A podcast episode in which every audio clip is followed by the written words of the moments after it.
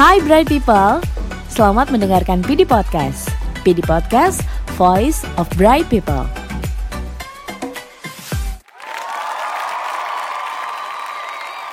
Assalamualaikum Bright People, ketemu lagi bersama saya Rini. Oke teman-teman, hari ini saya akan membahas mengenai basic investment syariah.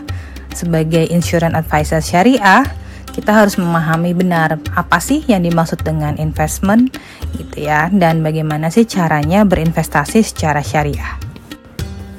Sebelum kita memahami investasi secara dalam, kita pahami dulu yuk sebenarnya apa sih definisi investasi itu? Definisi investasi adalah suatu kegiatan menanamkan modal pada suatu perusahaan atau usaha yang tujuannya adalah untuk mendapatkan keuntungan di kemudian hari. Buat apa sih keuntungan ini? Biasanya digunakan untuk bagaimana caranya ketika terjadi inflasi kita masih bisa survive. Terus apa yang dimaksud dengan inflasi? Yang dimaksud dengan inflasi adalah kenaikan harga barang di dalam satu periode. Contoh, 10 tahun yang lalu kita bisa membeli satu mangkok bakso dengan harga Rp5.000. Tapi saat ini, satu mangkok bakso bisa mencapai 15.000 sampai dengan Rp20.000 atau bahkan kalau di mall bisa mencapai harga 50.000 per mangkuk.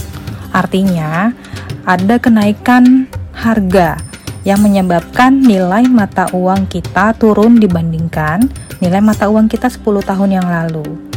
Itulah pentingnya kita harus berinvestasi saat ini agar bisa memenuhi kebutuhan kita di waktu yang akan datang.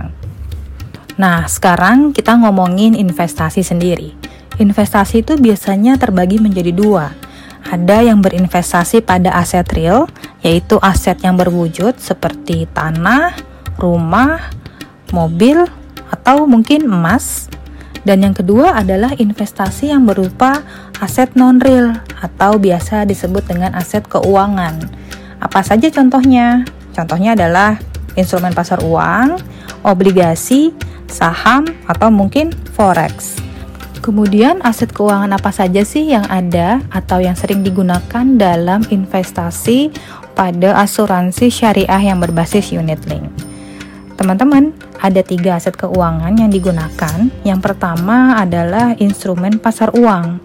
Instrumen pasar uang ini adalah investasi keuangan jangka pendek seperti deposito atau surat hutang di bawah satu tahun.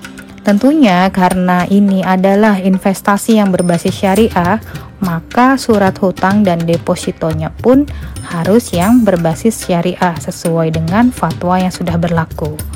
Lalu karakteristik untuk pasar uang syariah yang pertama biasanya nisbahnya pasti walaupun relatif lebih kecil dan juga aman selama memang banknya tidak dilikuidasi. Dan ingat, karena ini deposito syariah, maka banknya pun harus bank yang berbasis syariah. Nah, untuk deposito syariah atau surat hutang yang di bawah satu tahun ini memiliki karakter low risk dan low return. Artinya, investasi ini cocok sekali untuk investasi jangka pendek. Kemudian, aset keuangan yang kedua adalah obligasi syariah. Apa sih obligasi? Obligasi adalah surat hutang yang dikeluarkan oleh pemerintah atau swasta. Biasanya, orang yang membeli obligasi akan mendapatkan kupon sebagai bagi hasil yang akan diterima oleh si pembeli. Dan kupon ini biasanya nilainya lebih tinggi dibandingkan dengan nisbah dari deposito. Lalu bagaimana uh, resiko dan return yang diterima dari aset keuangan ini? Obligasi syariah memiliki return yang sedang dan juga resiko yang menengah. Yang ketiga adalah saham. Saham adalah surat kepemilikan kepada suatu perusahaan. Bagaimana cara kerjanya saham yang berbasis syariah? Ingat ya teman-teman, karena investasinya berbasis syariah, maka kriteria untuk saham sendiri ditentukan sesuai dengan prinsip syariah. Yang pertama, kegiatan usahanya tidak bertentangan dengan prinsip syariah. Sebagai contoh, kegiatan usaha yang dilakukan tidak boleh mengandung unsur judi, riba, atau barang haram.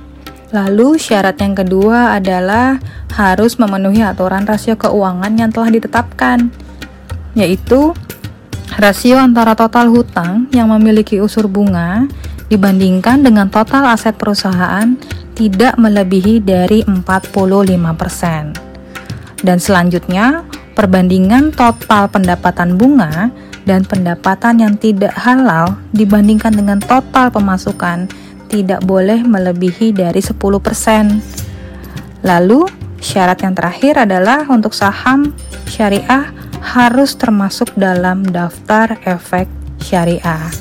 Jadi cara pengelolaannya sama seperti konvensional, hanya saja pemilihan instrumen investasinya harus sesuai dengan prinsip syariah yang berlaku. Lalu bagaimana dengan resikonya saham? Saham ini memiliki resiko itu adalah high risk, high return. Resikonya memang tinggi, tapi potensi untuk mendapatkan returnnya pun tinggi. Kemudian Instrumen selanjutnya adalah reksadana. Reksadana merupakan jenis investasi yang mengandung dari tiga aset yang sudah dijelaskan tadi. Bedanya, reksadana ini adalah kumpulan dana nasabah yang dikelola oleh manajer investasi yang berpengalaman dan profesional.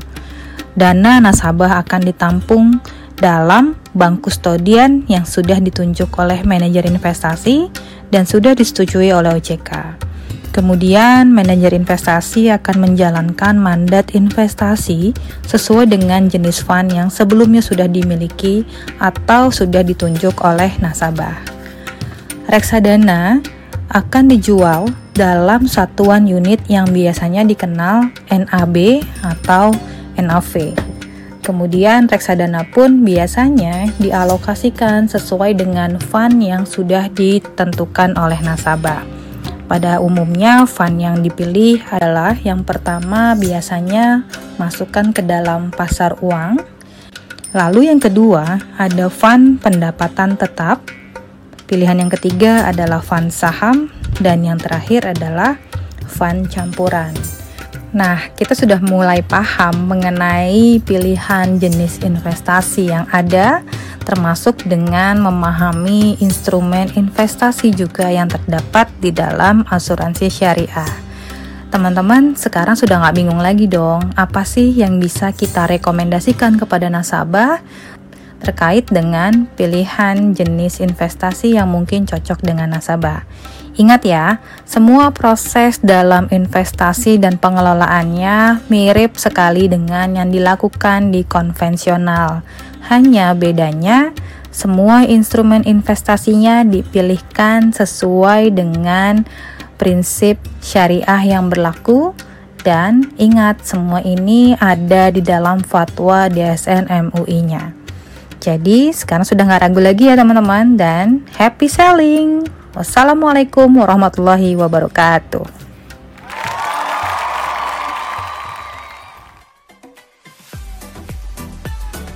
Hai Bright People, terima kasih telah mendengarkan PD Podcast. Tunggu keseruan PD Podcast episode selanjutnya ya. PD Podcast, Voice of Bright People.